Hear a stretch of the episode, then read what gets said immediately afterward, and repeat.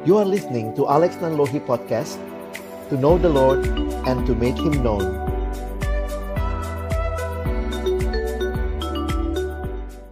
Di uh, setiap pertanyaan akan diberikan kesempatan buat kedua pembicara kita, Bang Niko dan Bang Alex untuk menjawab masing-masing pertanyaan yang udah teman-teman coba sampaikan. Dan kita akan dan kita akan uh, ya mem- memasuki sesi tanya jawab ini selama satu jam.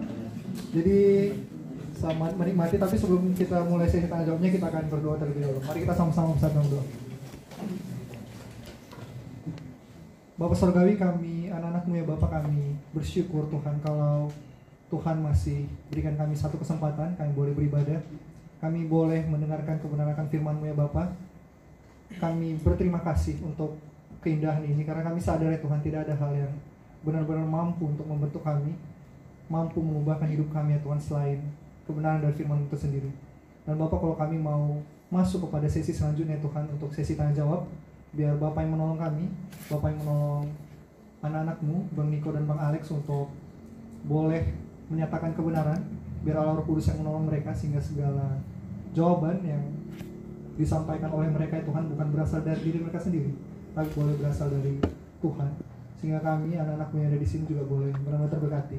Kami juga mohon belas kasihan Tuhan, biar Allah Roh Kudus juga yang memampukan kami untuk benar-benar tunduk kepada kebenaran, menjadi anak-anak yang rendah hati untuk mau diajar, biar Tuhan yang benar-benar yang mengubahkan hati kami.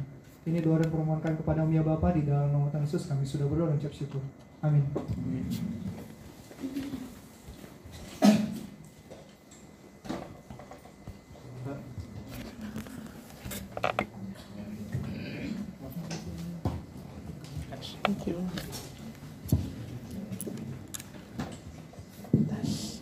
Nah, oke, jadi pertanyaannya bisa kita sama-sama lihat ya. Ini aku bantu bacain.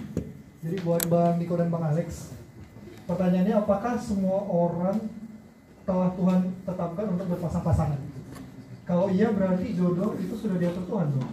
Kenapa lalu kenapa ada yang tidak berpasangan? Mungkin dari Mungkin dari aku dulu yang jawabnya. Eh, dari Oke dari Bang Alex dulu kalian karena menyampaikan sesi ini. sesi dua. Eh, biar yang belakang kelihatan ya. Em, saya agak sulit menjawab pertanyaan ini karena ada premis asumsi di baliknya yang mengatakan kalau Tuhan sudah atur kayaknya kesannya kita pasif.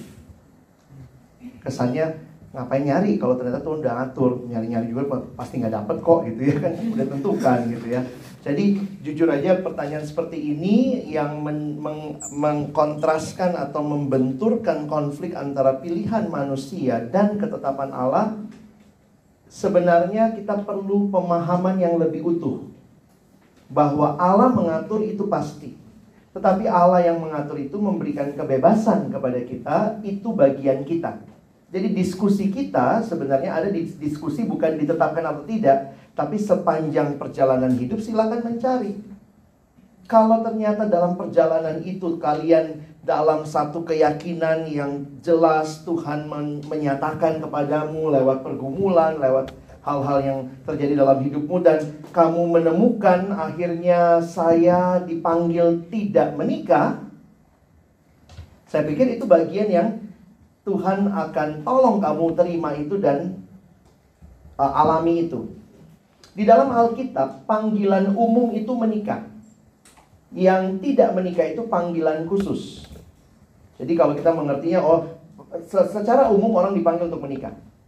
Nah yang tidak dipanggil atau yang ditetapkan untuk tidak menikah, nah saya bertemu dengan beberapa orang yang agak beda memang ya teman-teman yang Katolik kan sudah langsung misalnya memilih jadi biarawan, biarawati dan itu memutuskan tidak menikah. Tapi saya bertemu dengan beberapa teman senior, kakak-kakak, bahkan misalnya salah satu ibu rohani kami dulu, ibu pendeta Dorothy Marx, yang tidak menikah. Tapi saya menarik tuh men- menanyakan kepada mereka beberapa orang, misalnya, "Eh, jadi udah yakin kak, misalnya tidak menikah, ada yang mengatakan saya tetap terbuka sampai waktu yang Tuhan izinkan. Jadi saya pikir itu jadi sikap yang lebih lebih terbuka untuk tidak membatasi bahwa saya memang tidak akan menikah. Makanya jujur aja kalau ada yang misalnya umur kalian menggumulkan singleness, saya bilang tunggu dulu deh. Coba aja lewatin hidup dulu. Jadi kecuali kayak saya yakin banget nih single bang, Tuhan udah tetapkan. Saya mau minta bukti-buktimu apa? Yang kau yakini itu. Jangan karena baru ditolak kemarin, hari ini saya putuskan single. Nah itu mah desperado namanya. Jadi kalau ditanya apakah jodoh ada atau tidak, ini apa yang dimaksud? Jodoh itu maksudnya apakah ada yang Tuhan sudah atur? Pasti Tuhan atur. Tapi di dalam Tuhan mengatur pun mungkin nggak sih manusia salah pilih? Nah ini jadi menarik nih. Saya melihatnya ada kemungkinan memang kita salah pilih juga. Nah, sering kali poin saya begini ya, karena saya juga belajar soal ketetapan Allah dan segala macam. Jangan mendiskusikan ketetapan Allahnya, karena kita bukan Allah yang kita diskusikan sebaiknya yang pilihan-pilihan kita bagaimana supaya kita bisa memilih dengan benar. Oke, kalau saya sih begitu ya. Mungkin ada pandangan lain? Ya, uh, ada onnya.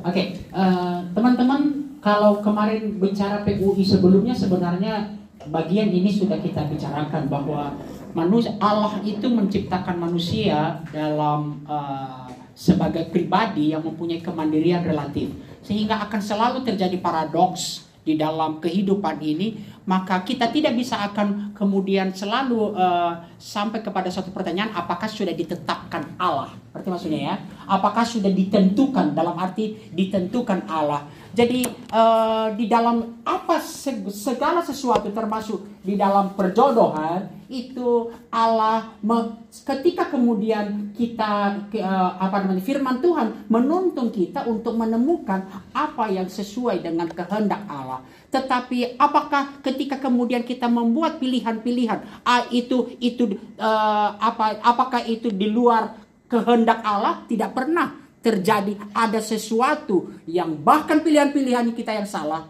terjadi di luar kehendak Allah. Dan Allah bahkan meresikokan dirinya termasuk dalam pernikahan termasuk ketika umpamanya salah dalam tanda kutip seperti tadi salah pilih itulah Allah yang kemudian berinkarnasi Allah meresikokan dirinya untuk kemudian siap memulihkan bahkan kalaupun terjadi sempat terjadi istilahnya kesalahan di dalam jodoh jodoh dalam pemilihan. Dalam pemilihan ternyata salah. Allah pulihkan.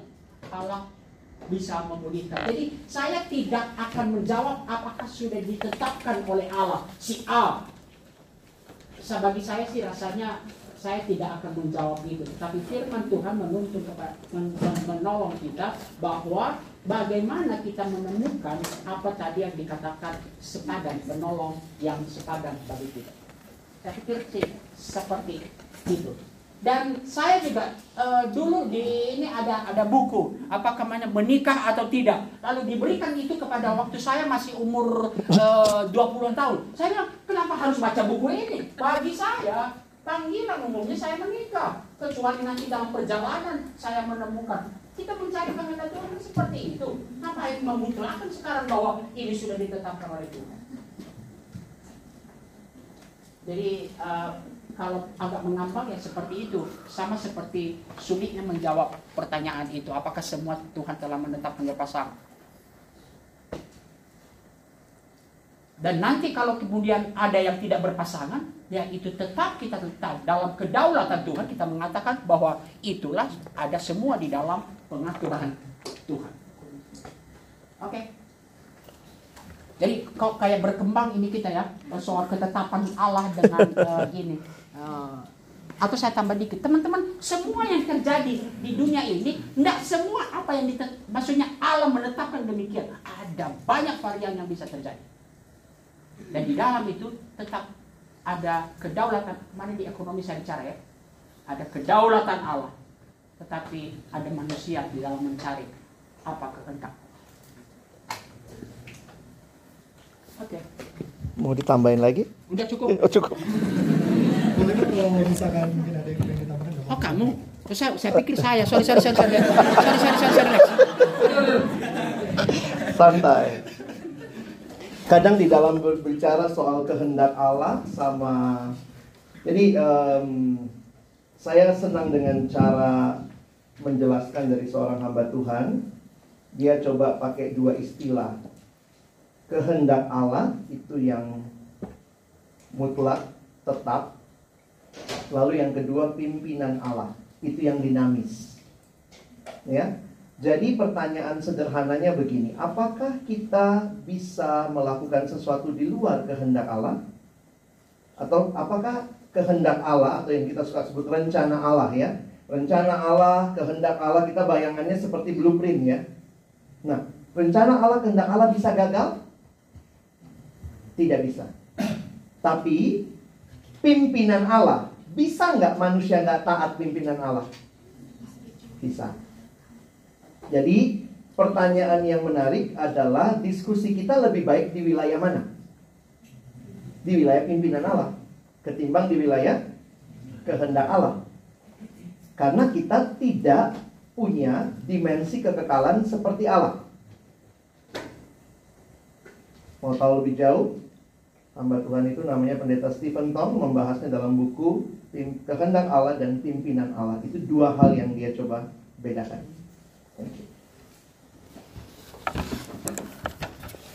Udah clear ya bang ya? Oke. Uh, Saya sih clear, nggak tahu yang sana. uh, ya teman-teman, jadi uh, aku sebagai moderator nggak nggak akan mencoba menyimpulkan kedua dari jawaban uh, pembicara kita supaya tidak terkesan mereduksi nanti ya. Jadi kita lanjut aja ke pertanyaan berikutnya. Bisa? Nah ini bang terkait dengan ya peran wanita yang atau tugas wanita yang terlihat lebih berat daripada laki-laki yang lebih sibuk gitu ya dan sampai laki-lakinya justru yang jadi kerja di rumah gitu jadi ya bapak rumah tangga gitu bang nah jadi kira-kira uh, pandangan yang benar gitu untuk hal ini gimana? Saya dalam hal itu memegang ortodoksi bahwa eh, eh, hukum yang ditetapkan Alkitab artinya hukum kewajaran hukum itu bahwa laki-laki sebagai kemudian eh, apa berbicara tentang te- tetap sebagai head headship dan eh, eh, wanita sebagai perempuan sebagai eh, apa namanya eh, penolong yang sepadan. Kalau tadi John Piper menyatakan bahwa eh, to provide for, to protect itu adalah eh, eh, tanggung jawab dari laki-laki dan apa namanya to care eh, to care for home itu adalah perempuan. Tetapi eh, ini akan menjadi perdebatan panjang kalau kemudian berbicara di dalam, konteks perkembangan eh, eh, zaman saat ini. Jadi kalau yang saya bisa katakan, saya nggak mau mengatakan kemudian apakah salah atau tidak oh, seseorang umpamanya eh, apa namanya seseorang menjadi CEO, menjadi presiden, tetapi eh, menarik dulu ketika ada dulu yang namanya wanita besi Margaret Thatcher, Thatcher. oke?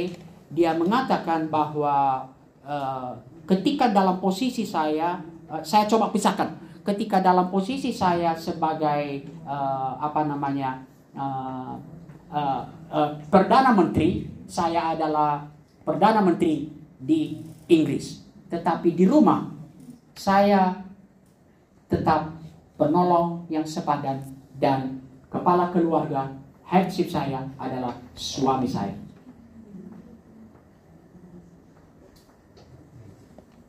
Jadi kalau ortodoksnya seperti itu. Eh, bahkan kalau mau ini ortodoksi lagi, teman-teman seorang si eh, apa Pak siapa yang di Bogor Pak Chambers. Ya, John Chambers. John Chambers pernah mengatakan, bila memungkinkan untuk kehidupan Istri di rumah. istri di rumah. Karena laki-laki lah yang provide for and protect. Tetapi bila tidak memungkinkan karena umpamanya harus sekarang dengan kebutuhan ekonomi dan segala macam, oke. Tetapi prinsipnya tetap sama harus kita kita lakukan. Jadi eh, pertanyaan-pertanyaan ini kan dalam proses ah, ini tadi pimpinan Tuhan kita tidak bisa kan saya apa yang kita buka, bukakan di pertama tadi itu adalah prinsip kebenaran Alkitab, oke? Tapi kemudian bagaimana kita itu mengaplikasikannya di dalam uh, apa namanya uh, keluarga masing-masing. Di dalam itu kita perlu pergumulan bagaimana melihat pimpinan Tuhan. Jadi saya tidak bisa mengatakan kemudian salah atau tidak. Jadi ada contoh uh, salah seorang yang uh, apa namanya beda lagi nih. Saya ambil contoh uh, kakak kita dari Fakultas Hukum yang sekarang sedang berbicara juga di acara sana, Kak Holly Kalangit. Dia melihat dia membagi hidupnya dalam periode-periode tertentu. Oke, jadi dalam periode tertentu dia mengatakan bahwa saya dalam mengambil satu peran saya full di rumah. Kemudian dalam satu periode tertentu pergumulan kemudian dia mengatakan oke okay, mungkin sekarang sudah dengan keadaan rumah sudah seperti ini maka saatnya sekarang saya mulai ini uh, mengambil peran seperti ini. Jadi uh, itu itu itu apa namanya pergumulan bagaimana melihat pimpinan Tuhan. Tetapi prinsip tidak pernah berubah. Jadi kalau kemudian Bang Niko kok kolot banget, Ya, saya kembali kepada slide saya tertarik. This is a matter of obedience hmm. of the Bible. Jadi bukan pertentangan antara uh, ah Bang Niko enggak enggak enggak menua enggak ini enggak bicara apa namanya enggak menyesuaikan dengan zaman. Uh, kita berkata seperti itu. Nah, mari kita kemudian mencari pimpinan Tuhan bagaimana mengaplikasikannya bagaimana melihat pimpinan Tuhan bagi kita masing-masing. Saya pikir. Sama. Udah, nggak usah dibahas lagi. Oke, kita masuk ke pertanyaan berikutnya. Uh, apa yang kita lakukan Oh, sorry, maaf ya. Ini dalam 1 Timotius 3 ayat 12, perempuan tidak boleh mengajar. Namun Priscilla pernah mengajar Apolos, Phoebe juga menjadi diaken. Jadi seberapa jauh sebenarnya peran wanita? Oke, okay. uh, eh, teman-teman, uh, saya kita tidak punya waktu untuk mengeksegesis masing-masing itu. Jadi Paulus tidak sedang mengatakan bahwa tidak bisa uh, uh, apa namanya uh, uh, artinya kita harus melihat konteksnya. Jadi di bagian lain ketika di jemaat Filipi ada yang namanya uh, siapa namanya? Uh, Sintika, dan Eudia Sin, Sintike. Sintike itu adalah wanita. Jadi para pemimpin di di jemaat. Jadi uh, Paulus bukan kemudian tidak uh, mengatakan bahwa tidak boleh mengajar. Ketika berbicara kepada Timotius secara jelas dikatakan apa? Engkau telah mengikuti apa namanya iman yang diajarkan oleh nenekmu. nenekmu. Oke. Okay?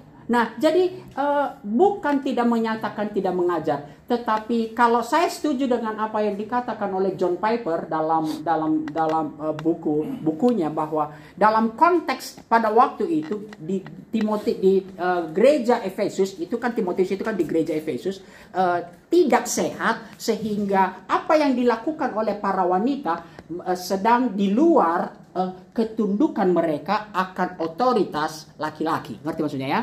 Sehingga kemudian di, uh, Paulus menyatakan seperti itu. Jadi uh, seperti saya katakan tadi, uh, prinsipnya tetap sama, tetapi bagaimana kemudian masing-masing kalau kemudian teman-teman benturkan, bagaimana kemudian denominasi berbagai gereja mengartikan jabatan mana yang kemudian dinyatakan sebagai headship di dalam jemaat, kepala di dalam jemaat, leader dalam jemaat itu ber, bervariasi kita kita me, me, melihatnya. Jadi yang saya mau hanya tekankan bahwa Paulus tidak sedang melarang total soal perempuan mengajar no. Karena di bagian lain dia tunjukkan bahwa justru perempuan mengajar. Oke tetapi kondisi di di uh, di Efesus jemaatnya kurang sehat sehingga para wanita sedang melakukannya di luar ketundukan kepada otoritas laki-laki sehingga dikatakan seperti itu. Oke. Okay. Tambahin sedikit deh, biar ada biar ada gunanya duduk di depan. Saya ilmunya sama kami ya. Eh, di dalam mempelajari Alkitab, kenapa kita bisa lihat kok satu Alkitabnya bisa beda pengajarannya? Kok gereja ini begini, gereja itu begitu ya? Nah, saya pikir dalam anugerah Tuhan, kalau kita perhatikan begini ya, dalam prinsip hermeneutik itu, teman-teman bisa perhatikan ada prinsipnya begini. Kalau situasinya sebanding, situasinya sebanding, persis sama dulu sama sekarang, maka yang berlaku adalah teksnya. Tapi kalau situasinya tidak sebanding, maka yang berlaku adalah prinsip teksnya. Nah, ini yang sampai sekarang sebenarnya gereja-gereja secara sadar tidak sadar masih berantem sih ya. Yang mana menurut kamu prinsip teksnya, yang mana teksnya? Dulu sama sekarang mengasihi sama nggak? Sama. Makanya ayat itu berlaku. Kasihilah sesama manusia baik dulu sekarang yang berlaku teksnya, ayatnya langsung. Tapi Yesus ngomong begini, jika matamu yang kanan menyesatkan engkau, cungkilah dan buanglah itu. Kita bilang itu yang berlaku apanya? Teksnya. Kalau kau bilang, kau bilang harus teksnya bang, ya cobalah buta semua kau. Kita ya, aku juga ikut. Saya juga pernah terjebak pornografi. Jadi pertanyaannya adalah gereja-gereja sampai hari ini masih berselisih paham tentang yang mana teks, yang mana prinsip teks. Karena itulah jangan heran banyak denominasi dari Alkitab yang sama. Karena itu bagi saya sih kita terbuka aja melihat keberagaman itu. Makanya ada hal-hal yang kita satu. Keselamatan, Yesus juru selamat. Tapi masalah apa misalnya? Gereja tertentu nggak makan babi. Yang satu babi sekali, kalau nggak babi nggak gereja itu. Nah, kenapa yang satu bilang ada ayatnya? Ayatnya apa? Tidak boleh makan binatang berkuku belah misalnya. Jadi berarti kita nggak tahu dong ayat itu. Nah, masalahnya bukan ayatnya kan? Kita melihat itu sebagai prinsip teks. Nah, ternyata ada kondisi tertentu di jemaat Efesus yang dilayani Timotius sehingga Paulus bilang perempuan di gereja ini nggak boleh ngajar. Kenapa? Karena ternyata penyesat gereja Efesus masuknya lewat perempuan. Lemah. Perempuan lemah. Dua Timotius pantai oh cedung rumahnya pakai hak lagi lupa gitu. Jadi pada waktu itu banyak perempuan-perempuan tidak terpelajar tinggal di rumah, suami kerja, pengajar sesat itu datangnya ke mereka. Sehingga orang-orang kayak begini mau minta jabatan di dalam jemaat, mau ngajar, Paulus langsung bilang tidak. Itu berlaku khusus kota kota Efesus, khusus kitab satu Timotius. Makanya yang Bang Niko bilang tadi, ternyata di kitab lain kita menemukan nggak masalah kok perempuan mengajar, nggak masalah kok perempuan memimpin. Jadi untuk konteks ayatnya kita melihat yang berlaku apa? Prinsip teks. Coba lihat lagi. Ini kalau kalian lihat ayatnya geli juga saya. Jangan berkepang-kepang. Jangan kepang-kepang tuh ayat yang Siapa yang 1 Timotius 2. berkepang-kepang sih? Coba lihat 1 Timotius 2 ayat yang ke 9. Demikian juga hendaklah perempuan, hendaklah dia berdandan dengan pantas, dengan sopan dan sederhana. Rambutnya jangan berkepang-kepang. Ini teks atau prinsip teks? Langsung kalian jawab prinsip, karena kok berkepang. Pada waktu itu, ini budaya ya. Seksi zamannya Paulus dilihat dari rambut. Makanya masalah wanita yang sopan waktu itu di, di ibadah menutup rambutnya. Perempuan yang me, kayak kalian ini pelacur itu abad pertama tuh. Yang rambut-rambut diurai. Karena mereka menarik perhatian orang dengan rambut. Makanya wanita yang mengurapi Yesus itu, dia menyeka dengan rambutnya. Kau bilang mungkin ih hebat banget ya. Orang Farisi bilang, jijik. Kalau dia tahu perempuan macam apa ini. Nah, jadi kalau lihat ayat 12-nya ya, ayat 9. Jangan memakai emas atau mutiara ataupun pakaian yang mahal-mahal. Ayo berapa price tagmu? Ya. Tetapi hendaklah berdandan dengan perbuatan baik seperti layak yang layak bagi perempuan yang beribadah. Karena ini konteksnya sekali lagi jemaat Efesus. Baru masuk ayat 11. Seharusnya perempuan berdiam diri dan menerima ajaran dengan patuh. Kalau atasnya kau terima prinsip teks, ini kalau mau logis ya. bawahnya harusnya juga ini prinsip teks. Jadi ada situasi yang tidak sebanding. Makanya jangan jadiin prinsip umum. Wanita tidak boleh mengajar. Bagi saya nampaknya tidak sesuai dengan bagian lain. Oke, okay, thank you. Ini rada PA ini lah. oh, Oke, okay, kita masuk ke pertanyaan berikutnya. Uh, sekarang kami sebetulnya sudah punya beberapa sahabat jenis. Nah, apakah boleh tetap bersahabat dengan banyak lawan jenis sekaligus tanpa ingin berpacaran? Boleh lah.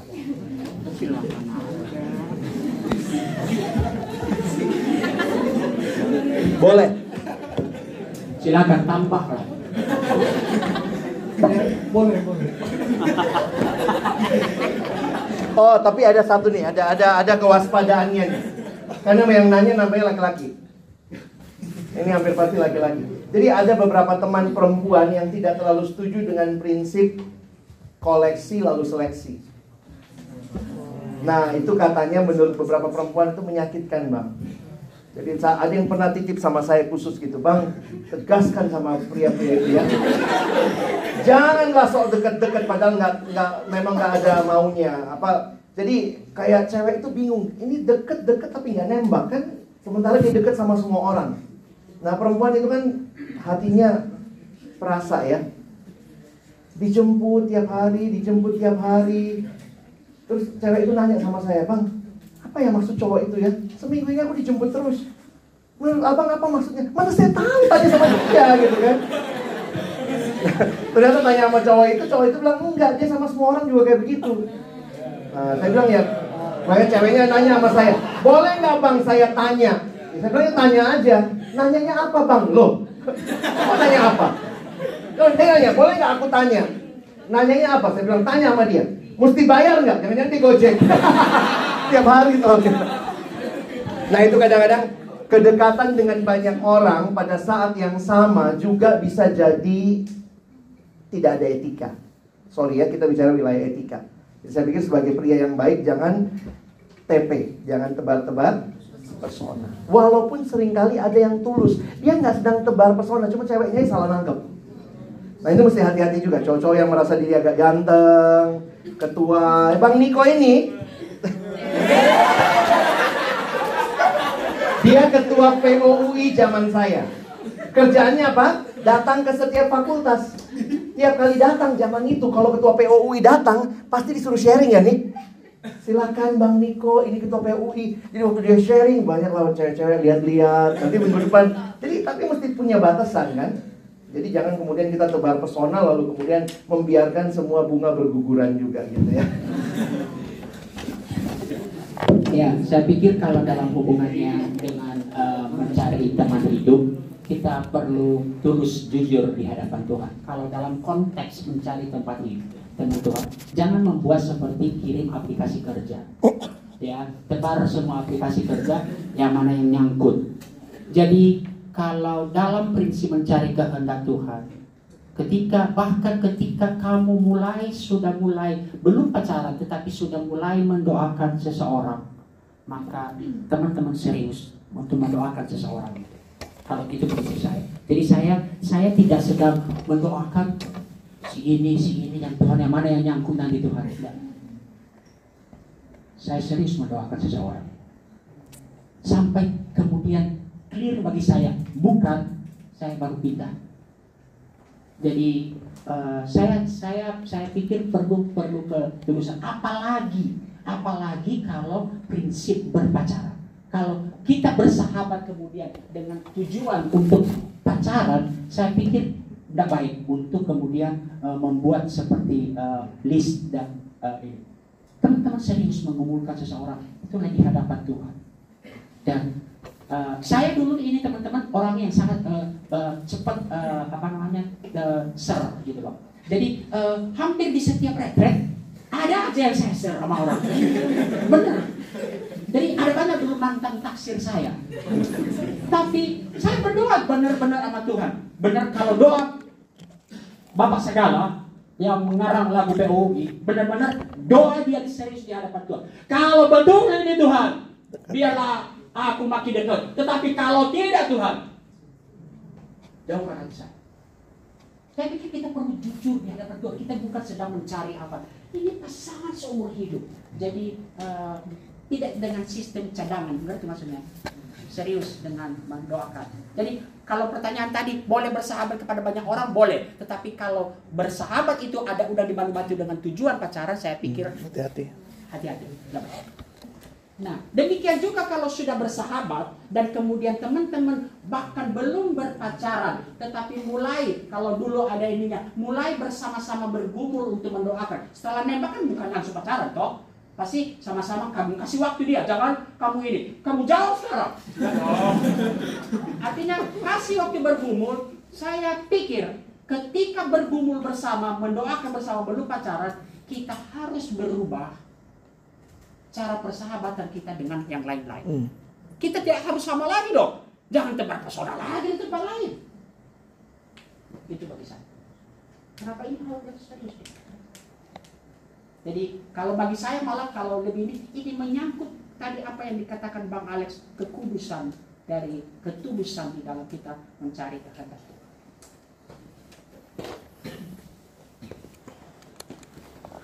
Oke, kita masuk ke selanjutnya.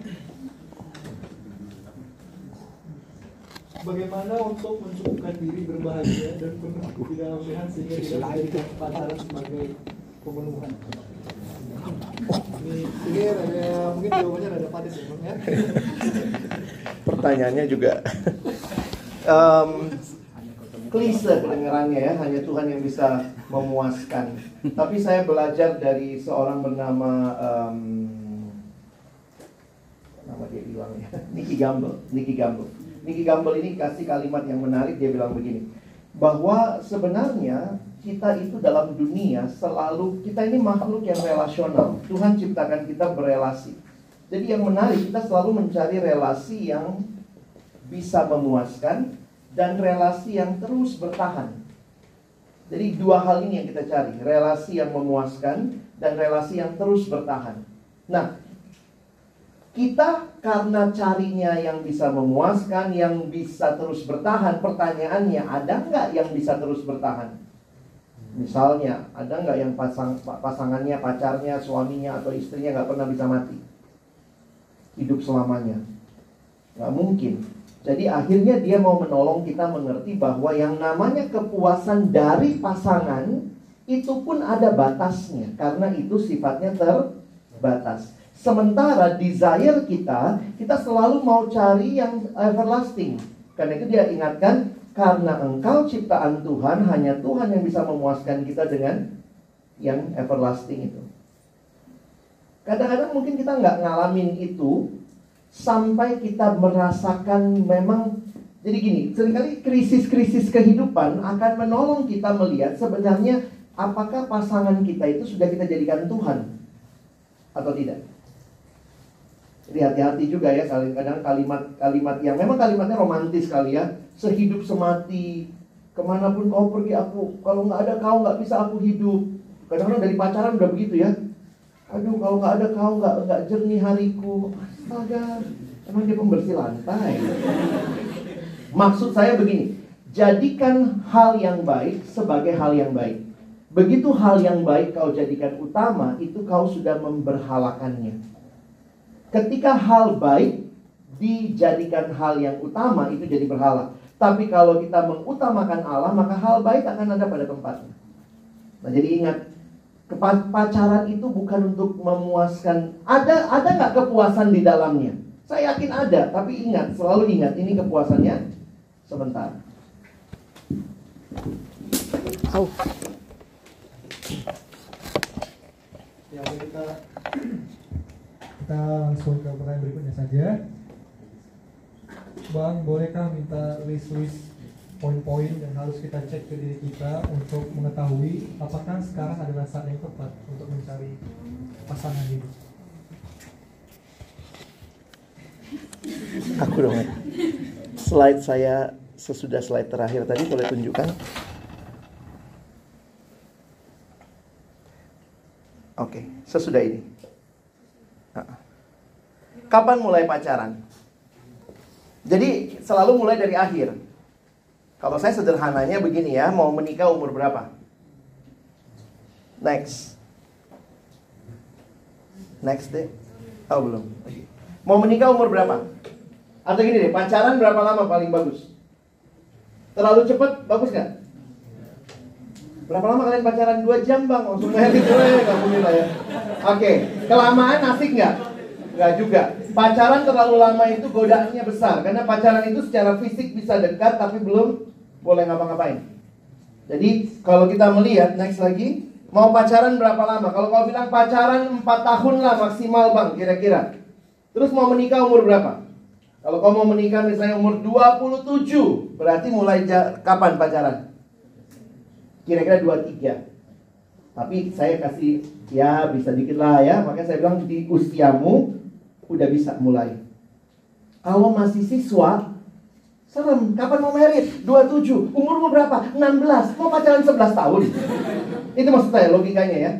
Jadi poin saya adalah kalau ditanya kesiapannya, ini memang baru bicara kesiapan waktu. Tapi yang lain misalnya, kamu bertumbuh nggak dalam kasih?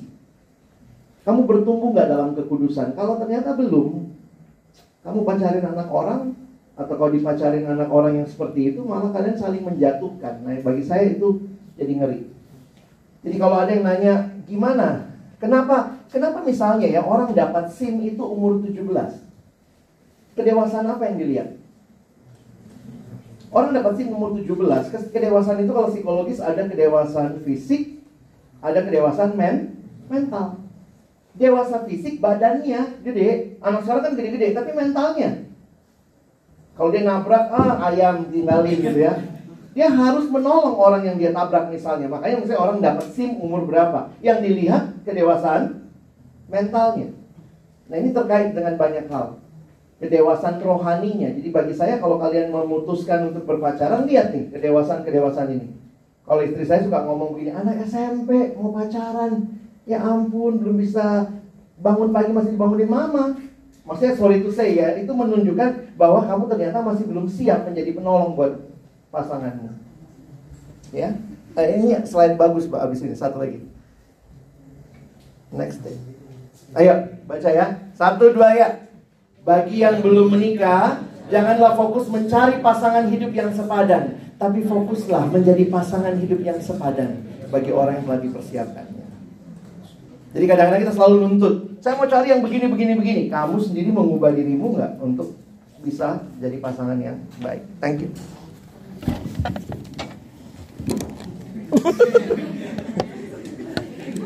pasangan yang sepadan.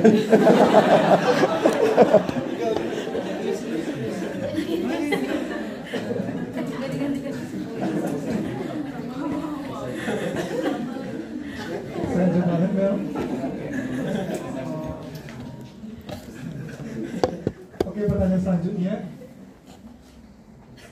apa apa yang kita lakukan jika sudah mendapatkan tanda dari Tuhan bahwa dia adalah pasangannya yang Tuhan tetapkan? Apakah kita lagi? Masalahnya apanya tandanya? Itu pertanyaannya, apa apa tandanya? Saya tidak uh, nanti seperti apa dulu zaman uh, zaman dulu ya, kamu nanti memimpikan tandanya siapa besok yang ngetuk kamar kos. kamar atau buka pintu, nanti kalau mbaknya yang buka pintu. Jadi tandanya apa yang di, apa yang dimaksud dengan tanda di sini bahwa dia adalah pasangan? Kenapa teman-teman? Tanda itu kan kamu yakin, nah dia ini nggak yakin gimana?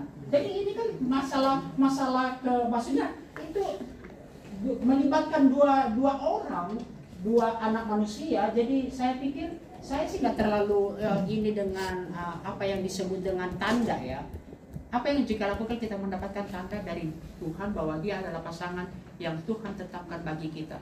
Apakah kita harus perlu memastikannya lagi? Tapi kalau pertanyaannya ini adalah ketika teman-teman umpamanya udah sama-sama oke, okay, udah sama-sama senang, udah sama-sama uh, doain, kenapa masih perlu pacaran? Mungkin itu ya. Iya, itu itu lebih pas. Mungkin mungkin kalau saya ini pertanyaannya Nah teman-teman, saya ini saya buka-buka file saya tadi, pacaran itu kan seperti kata Bang Alex tadi, waktu untuk pengenalan, untuk benar-benar mencari apakah dia. Jadi kalau kalian pikirkan, pernikahan itu seumur hidup. 30 tahun, 10 tahun seperti apa pernikahan kita. Jadi bukan soal uh, lagi suka. Jadi kita pikirkan apakah betul-betul ini dia yang akan jadi pasangan seumur hidup saya. Dan tentu Anda mau menikah untuk untuk apa namanya mendapatkan air mata penderitaan terus kan? Nah, teman-teman, jadi saya saya uh, ini karena apa? Ada banyak hal di dalam masa-masa ketika kita senang, sama-sama senang, itu masa-masa uh, romantis. Dan masa-masa romantis itu, ya teman-teman, ada dalam buku yang kecil yang saya itu katanya yang anak-anak naik yang suka naik gunung pun, yang benci mall pun, ketika lagi masa-masa senang, dia sangat bisa senang masuk mall menemani kamu. Tetapi pertanyaannya apakah itu bertahan 30 tahun? Dia akan menemani kamu ke mall terus. Nah, kamu harus bertanya. Nah, jadi tadi saya tuliskan di sini masa pacaran itu ada yang tuliskan masa ketika apa namanya uh, uh, uh, romantis love itu kita harus berubah untuk menjadi realistic love. Artinya benar-benar tahu dia. Teman-teman saya itu, nah saya lebih baik mungkin contoh ya. Saya pacaran karena memang ada pergumulan kami tentang gereja, tentang suku. Saya pacaran enam tahun. Jadi melampaui batas yang dikasih Bang Alex. enam tahun kami pacaran dan ternyata ada banyak hal yang kita tidak tahu. Kenapa pacaran ada banyak activity activity uh, center. Artinya kita pergi ke sana, kita pergi ke sana, tetapi tidak banyak dialog. Dialog itu untuk saling mengenal. Dan ada banyak hal yang saya tidak tahu dan dia tidak tahu tentang diri saya dan itu menjadi pergumulan di dalam pernikahan.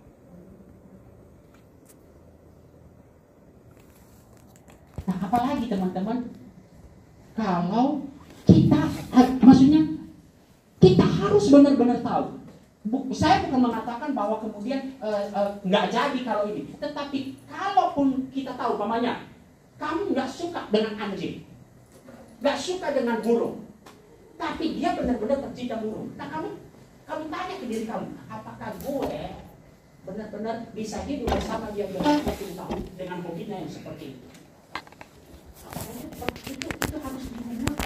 Dalam di dalam ini. Jadi masa subjektif lah, artinya apa yang gua suka apa ini menjadi objektif lah. Masa yang romantisme menjadi berubah menjadi realistis untuk mengetahui dia apa adanya. Dari activity lebih banyak kepada dialog untuk saling tahu. Nah, saya kasih contoh saya tadi. Teman-teman ternyata dia nggak tahu bahwa saya penderita OCD, obsessive compulsive disorder yang per luar biasa dan itu menyakitkan bagi dia di awal-awal pernikahan kamu. Tahu pernikahannya. Jadi dia udah susun-susun baju dalam lemari ini hal kecil. Nanti saya tunggu dia pergi.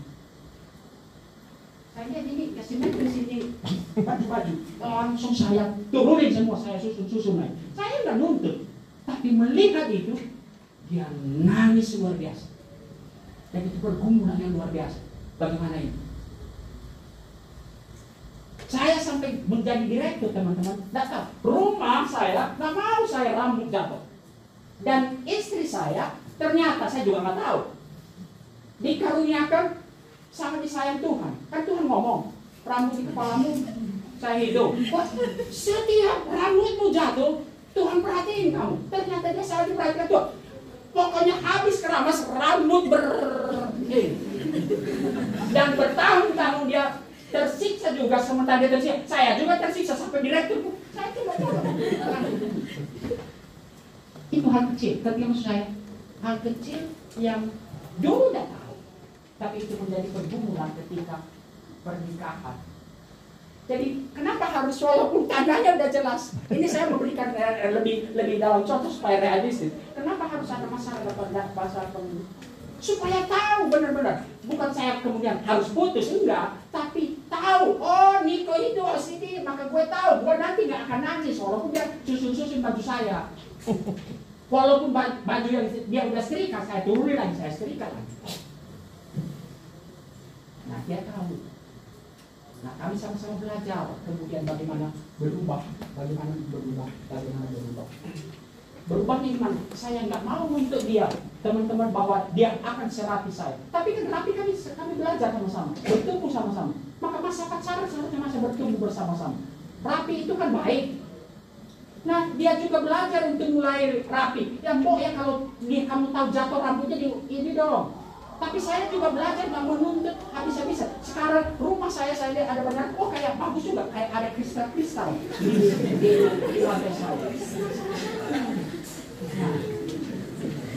Susah bukan? Kalau pacaran lebih baik, itu akan lebih mudah di dalam pernikahan. Jadi masa-masa mimpi ideal itu, aku mau sehidup semati, nanti kalian menikah teman-teman. Hal-hal kecil pun akan menjadi masalah. Oke, okay.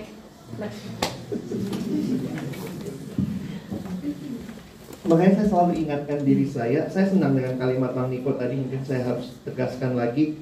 Biasanya waktu kalian sedang menggumulkan pacaran begitu ya, atau masuk dalam masa pacaran itu masih saat-saat yang indah. Makanya itu disebut sebagai romantic love. Tapi romantic love harus bertumbuh menjadi realistic love dan itu pelajaran seumur hidup. Ya.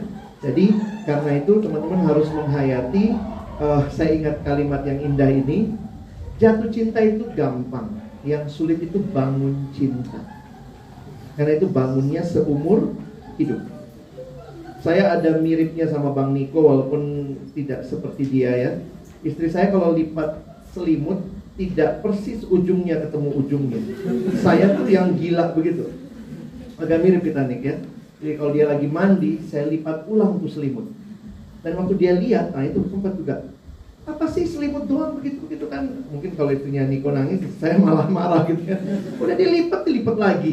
Tapi akhirnya belajar saling mengerti. Saya belajar menerima tidak mesti serapi saya dia tidak mesti serapi saya dia belum belajar jadi rapi gitu ya jadi sekarang kalau lipat selimut urus urusan saya. Dia nggak peduli lagi. Urusanmu daripada aku sakit hati lihat selimut dilipat ulang kan? Nah tapi akhirnya banyak hal yang saya pikir waktu kami pacaran akhirnya kita masuk ke dalam realistic love kan? Waktu apalagi menjelang pernikahan misalnya. Nanti tinggal di mana? Orang tua makin tua. Nanti orang tuamu orang tuaku ikut siapa?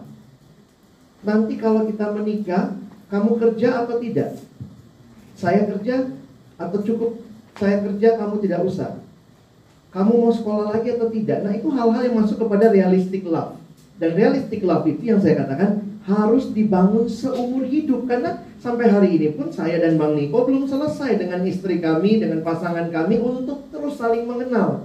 Kadang-kadang mungkin bapak mamamu yang udah menikah lebih dari 20 tahun aja bisa ngomong begini sama pasangannya. Saya kayak nggak kenal kamu kayak begini. Ya ampun udah 20 tahun bareng gitu ya.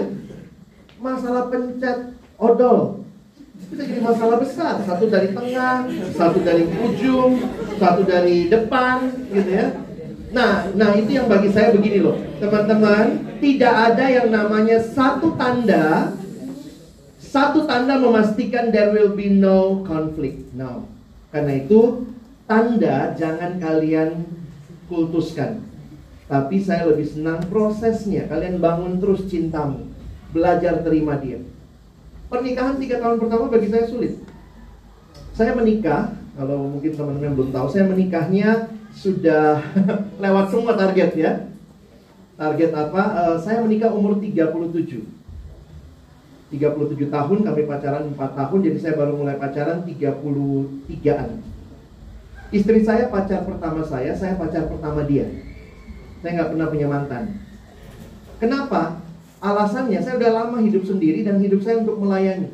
Jadi saya bersembunyi di balik pelayanan itu nyaman kan, kalau saya pelayanan ke mana-mana, dikenal orang, tapi kemudian saya jadi sadar bukan seperti ini. Tuhan mau saya punya pasangan dan saya harus doakan gumulkan. Nah, pertama kali dia masuk dalam hidup saya dalam 37 tahun saya sendiri, itu saya merasa terganggu.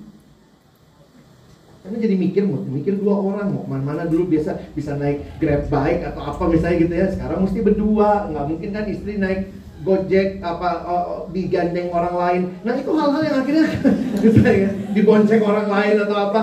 Jadi ada hal-hal yang bagi saya awalnya nggak mudah dan akhirnya kami belajar saling mengerti. Pacaran itu indah. Kenapa indah? Kadang-kadang kalaupun berantem, habis berantem kan dia pulang ke rumahnya, saya pulang ke rumah saya. Itu kalau lagi pacaran. Tapi kalau udah menikah, berantem. Pulang ke tempat tidur yang sama. Satu ngadep sana, satu ngadep sini, sejauh timur dari barat. Terus bagaimana belajar minta maaf duluan. Dan saya banyak belajar dari istri saya dan saya yakin dia juga banyak belajar dari saya. Belajar untuk beberapa kali saya seneng ngomong gitu ya, ngomong cerita gitu. Sampai akhirnya dia bilang ini, hmm jangan stop lagi ya. Karena saya mau ngomong jangan stop gini-gini. Jadi dia udah tahu tuh. Dan istri saya pernah dalam satu kemarahannya dia ngomong, ingat ya bang, aku bukan mahasiswa yang kau layani, aku istrimu. Wih itu punchline banget. Kenapa? Saya kadang-kadang lupa. Memang karena umur kami beda 10 tahun, Waktu kami pacaran dia ketua PMK begitu ya, ketua persatuan alumni. Jadi saya kadang-kadang lupa, saya pikir dia jemaat. Ayo kamu mesti begini begitu. Ini istri, saya harus libatkan dia. She's my partner. Nah, bertumbuh dalam realistic love itu perjuangan seumur hidup. Oke? Okay? Tapi jangan takut menikah ya, indahnya juga banyak. Jangan takut gitu Wah indahnya banyak teman-teman.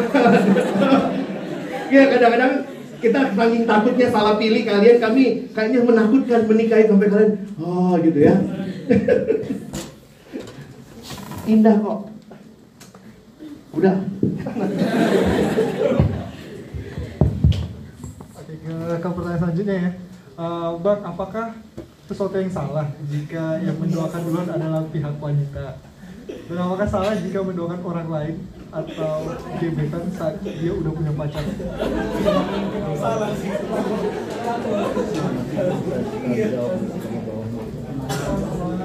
bawahnya bisa di uh, apa? oh langsung dua pertanyaan. Aja pertanyaan iya, kedua apakah salah apabila perempuan yang memimpin dalam sebuah diskusi? Termasuk ketiga juga tuh. Dalam sebuah diskusi apabila ada laki-laki yang juga bertumbuh ada di dalam diskusi tersebut Kemudian sekalian dan pertanyaan tiga, bagaimana cara identifikasi perasaan sebagai sahabat dengan perasaannya lebih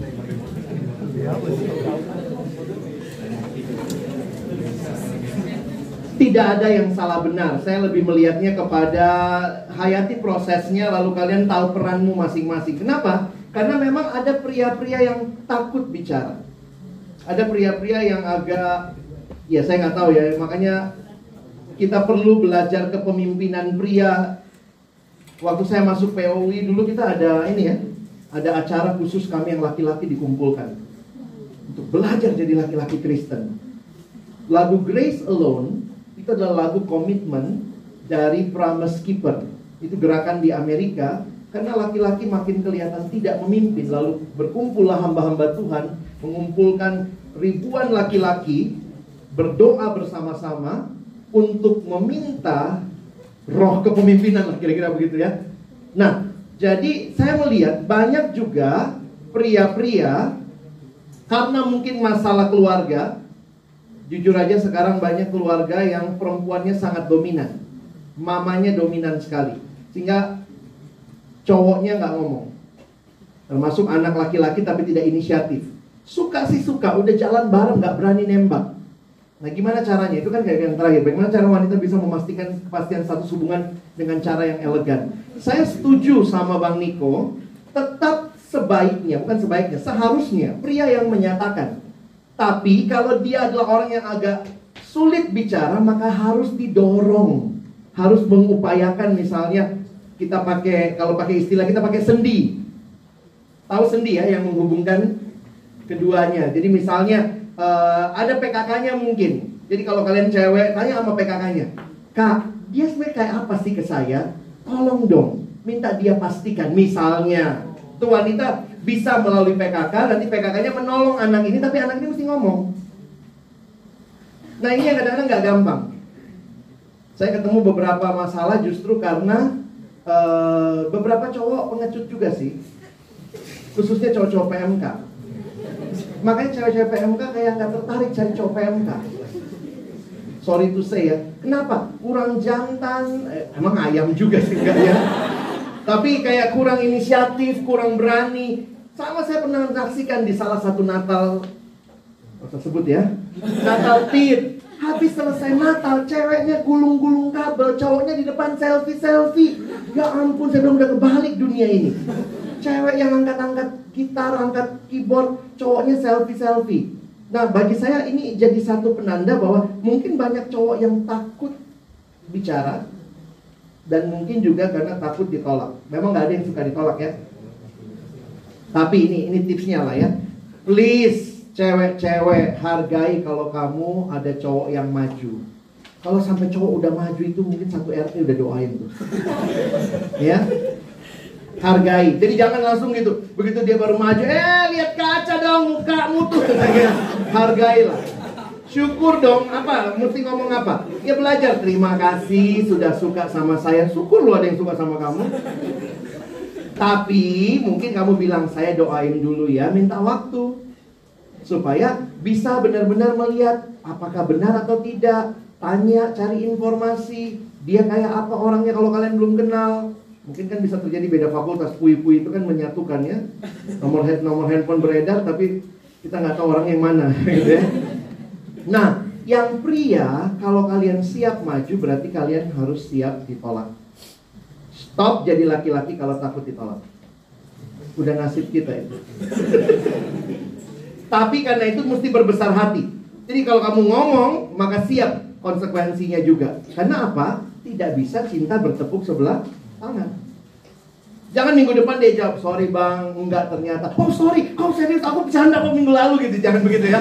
Berarti kamu nggak siap tuh. Banyak cowok-cowok begitu tuh. Mementarkan. Jadi, kalau ditanya salah apa tidak, saya lihat, saya bilang tergantung konteksnya. Lihat dulu konteksnya apa. Lalu ingat, laki-laki belajar memimpin, yang perempuan belajar mengizinkan laki-laki memimpin juga. Saya ketemu seorang kakak, Bang Niko juga kenal, suaminya agak pasif. Kakak ini sangat uh, aktif lah ya, talkative juga. Terus waktu kami nanya, pernah satu kali saya tanya, Kak, terus gimana dalam kehidupan rumah tangga suami istri? Kakak itu bilang begini, setelah saya menikah sama abang, saya belajar menahan diri. Saya izinkan abang ambil keputusan. Dan ternyata itu caranya dia menghormati suaminya. Kan jelas ayatnya, istri tunduklah kepada suamimu. Bukan istri tanduklah suamimu, bukan ya. Thank you. Ya, oke. Okay. Jadi kalau saya tadi hampir mungkin hampir hampir sama ya. Sekalian juga saya tanya yang soal diskusi tadi mana tuh ada tadi apakah bisa memimpin diskusi. Jadi hari ini teman-teman kita bicara saya tadi sudah mengatakan alih-alih untuk mengatakan yang mana yang salah, yang mana yang benar. Ini bukan soal hitam putih. Jadi apakah kemudian uh, saya mengatakan seharusnya laki-laki yang kemudian memulai menembak istilahnya apa pun memulai suatu relasi.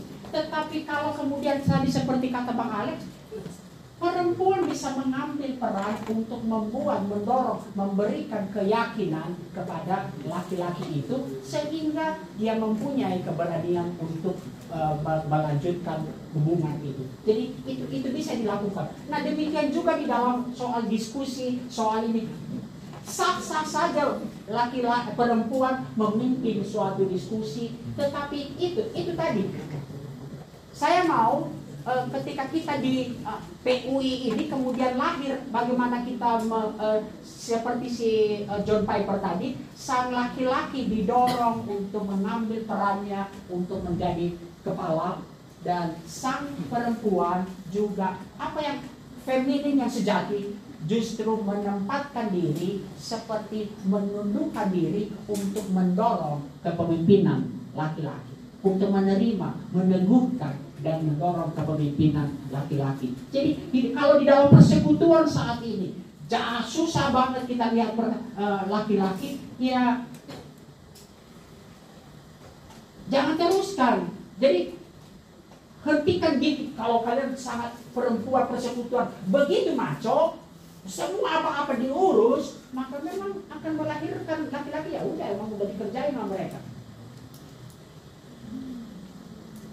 Bahkan dulu seperti yang tadi kakak yang sama, mudah-mudahan orang yang sama benar-benar seperti membatasi diri, seperti dia membuat satu keyakinan bahwa aku bergantung kepada kamu komen.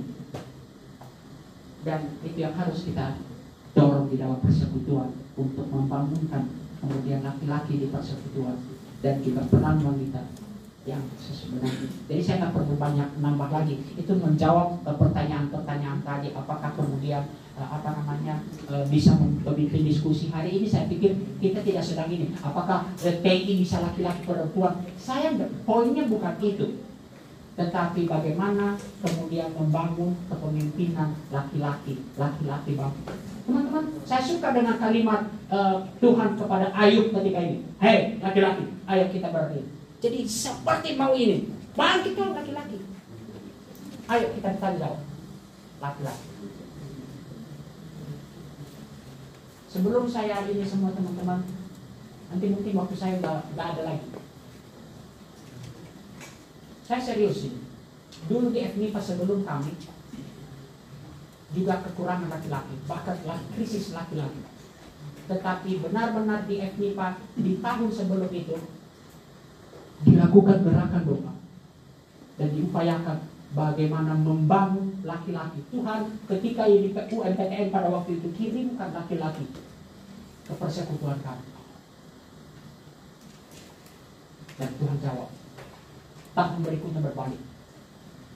Seluruh kepemimpinan di FMIPA UI itu bertahun-tahun POUI dari FMIPA UI. Saya bukan mau mengambil jadi FMIPA UI bertahun-tahun PMKJ dipimpin oleh laki-laki dari FMIPA Nah, apa yang saya maksud di sini? Bukan soal mau soal bicara soal itu, tetapi ada satu kesadaran untuk kembali menempatkan seperti apa yang dikatakan Alkitab, laki-laki mengambil peran headship dan wanita mendorong hal. Nah, itu yang saya rindukan terjadi di UI ketika kita membicarakan pada hari ini. Dan itu tak hanya kemudian berbicara soal kepentingan kita di persekutuan ini, tetapi itu menyangkut keluarga family, itu menyangkut masyarakat, itu menyangkut gereja kita.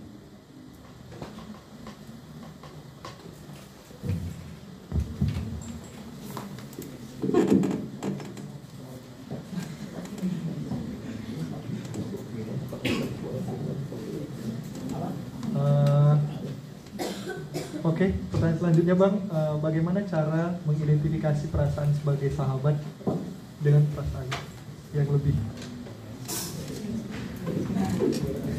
Ini ada ilmunya ya. Baik, kan hal-hal yang naluriah lah ya. Nanti kalian tahu sendiri lah. Cuma saya mau garis bawahi begini. Kalian ada di generasi yang sangat mengagungkan perasaan sekarang agak beda dengan generasi kami dulu. Di generasi yang lalu sangat mengagungkan pikiran. Osmo dan kawan-kawannya sangat mengagungkan perasaan. Yang kadang-kadang kalian dan saya pun juga kalau ditanya, saya nggak bisa mendefinisikannya. Misalnya, kalimat-kalimat yang saya suka dengar sekarang. Iya bang, kami deket, bak nyambung sih ngomongnya, tapi kayaknya belum dapat chemistry-nya. What do you mean by chemistry? Chemistry itu yang ditanam, ditanamkan lewat drama Korea, film Korea, ditanamkan lewat uh, pop culture kita, karena culture ini sedang meninggikan perasaan. Nah, somehow saya katakan begini, jadi yang kamu cari apanya? Secara firman Tuhan udah jelas lawan jenis. Udah jelas anak Tuhan, dia cinta kamu. Kalau nggak cinta kamu, ngapain dia terus-terusan komunikasi sama kamu? Sorry, saya ketemunya cewek nih tapi cewek itu kemudian bilang, tapi bang, saya belum dapat feel-nya. Kami nggak dapat chemistry-nya. Pernikahan itu bukan masalah chemistry saja. Di dalam komitmen itu mencakup dua hal. Di dalamnya pasti ada thinking, jelas, tapi juga ada feeling. Nah, sering kali ini jangan saling meniadakan. Bahkan kalau saya mau katakan begini, bukunya Timothy Keller mengatakan bahwa feeling itu grow up seiring berjalannya waktu. Karena itu tidak masalah orang dijodohkan pada masa lalu, feelingnya dapat waktu sudah sudah membangun cintanya itu kan itu kan seumur hidup. Jadi kadang-kadang kalau saya pikir apa kita balik aja kayak perjanjian lama ya? Dijodohin aja nggak rela. Tapi ke, kalaupun tidak rela, apa yang kamu cari? Jangan-jangan yang kamu cari itu ketika sudah menikah. Istri saya bilang saya nggak romantis sebelum menikah. Pokoknya ke mana-mana dia ceritain, abang nggak romantis, nggak romantis, suami nggak romantis, eh, pacarnya nggak romantis. Waktu itu kan saya juga, ih gila juga ya, gue nggak romantis. Saya belajar romantis-romantis. Tapi kemudian sesudah kami menikah, ada komitmen, maka saya, saya sangat romantis. Poinnya adalah romantisme, perasaan, feeling, itu bukan hanya e, ditunjukkan lewat hal-hal yang di permukaan, tapi itu masuk ke dalam komitmen itu. Makanya sekali lagi saya katakan, kalau komitmen tanpa komitmen tapi dekat, dekat tanpa komitmen itu cenderung merusak. Tapi kalau sudah komitmen, maka sebenarnya feelingnya akan dibangun. Sorry, saya jujur aja masih bingung nah, kalau ditanya soal feeling, chemistry. Karena saya mikir apa lagi ya? Maksudnya kamu pengen nyetrum, nyetrum, pegang listrik gitu ya.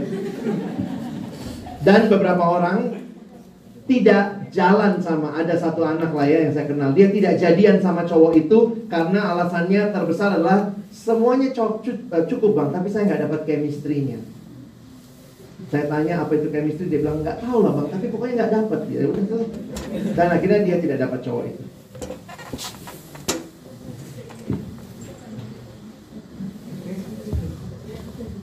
Uh, apakah seks boleh untuk non procreation? Tidak. Allah menciptakan seks. Tentu untuk menikmati relasi suami istri yang menyatu itu tidak.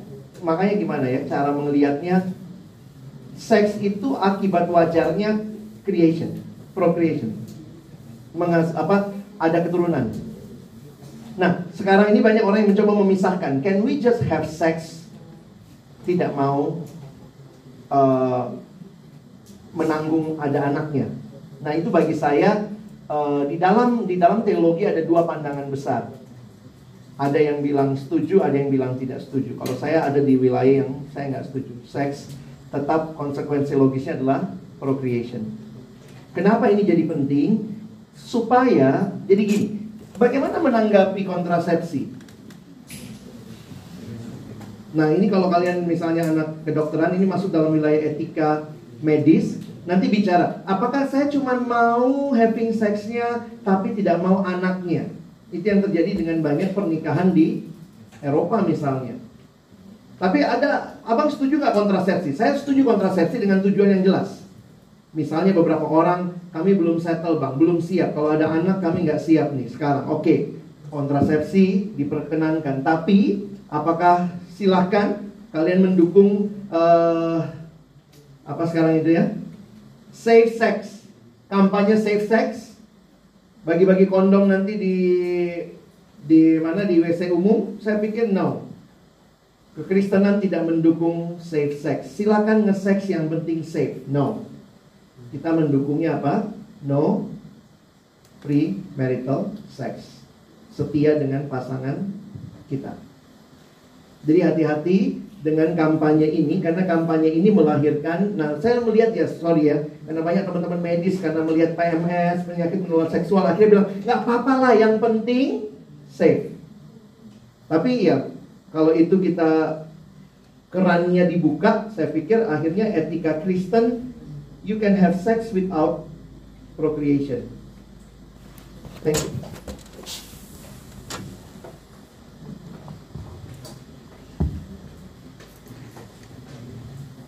Uh, ini mungkin akan menjadi pertanyaan terakhir.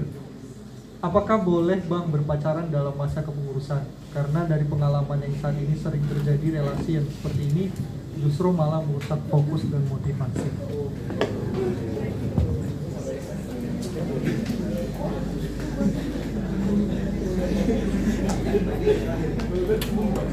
Uh, ini bukan pertanyaan yang nggak bisa di, uh, dijawab kembali oleh ini atau tidak bagaimana melihat pimpinan Tuhan? Tetapi saya tidak mau eh, kemudian eh, kalau bagi saya apakah boleh berpacaran dalam masa kepengurusan boleh banget.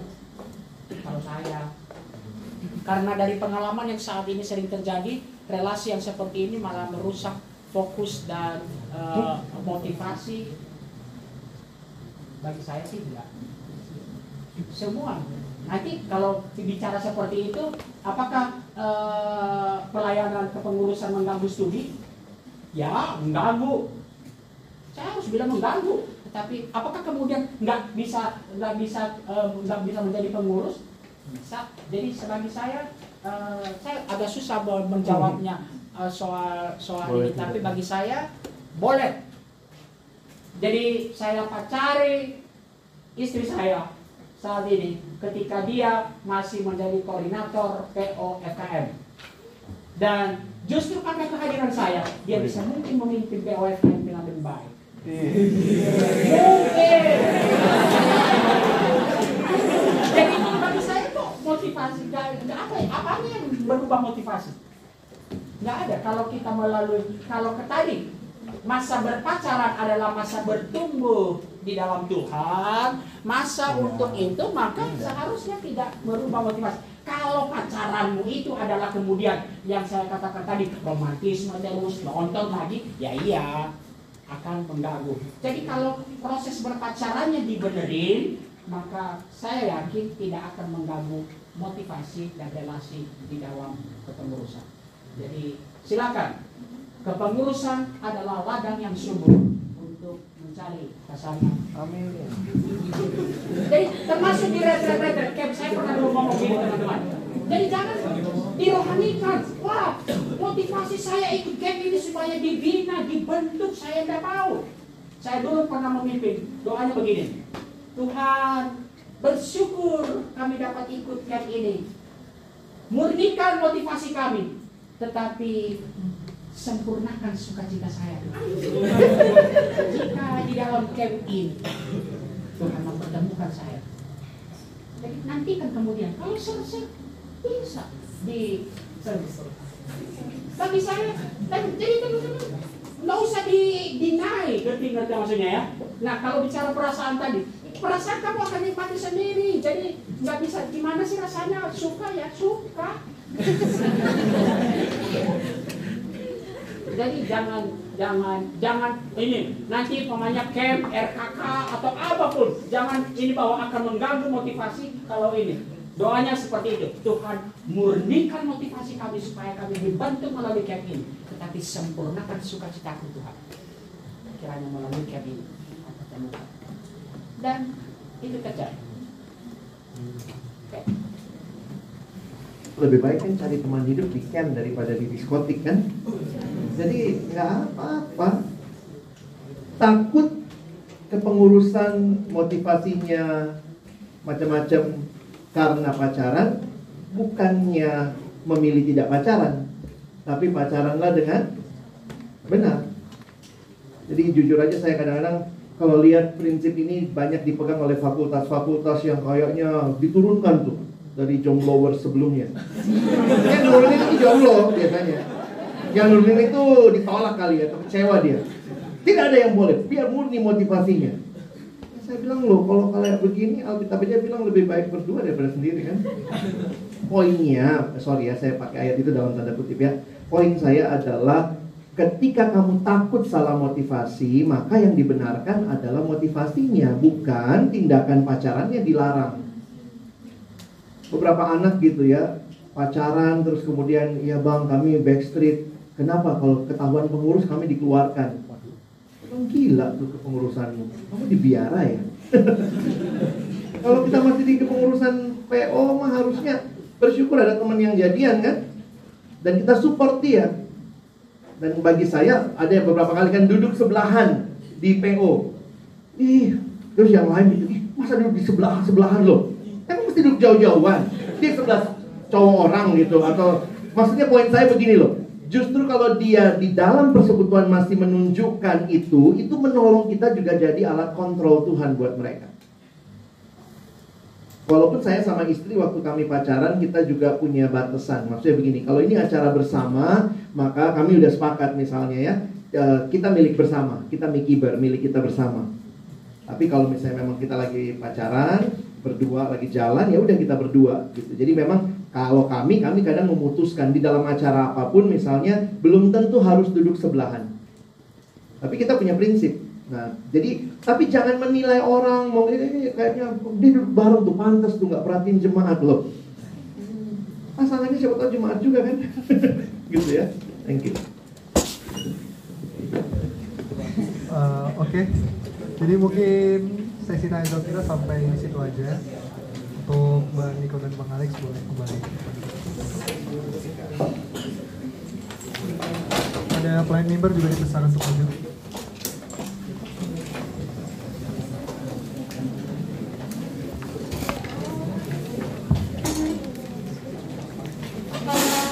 maju. Eh, jadi ini adalah saatnya untuk memberi persembahan yang terbaik. Mari kita memberikan persembahan kita dengan hati yang tulus dan penuh ucapan syukur. Kita sama-sama angkat pujian. Apalah arti ibadahmu?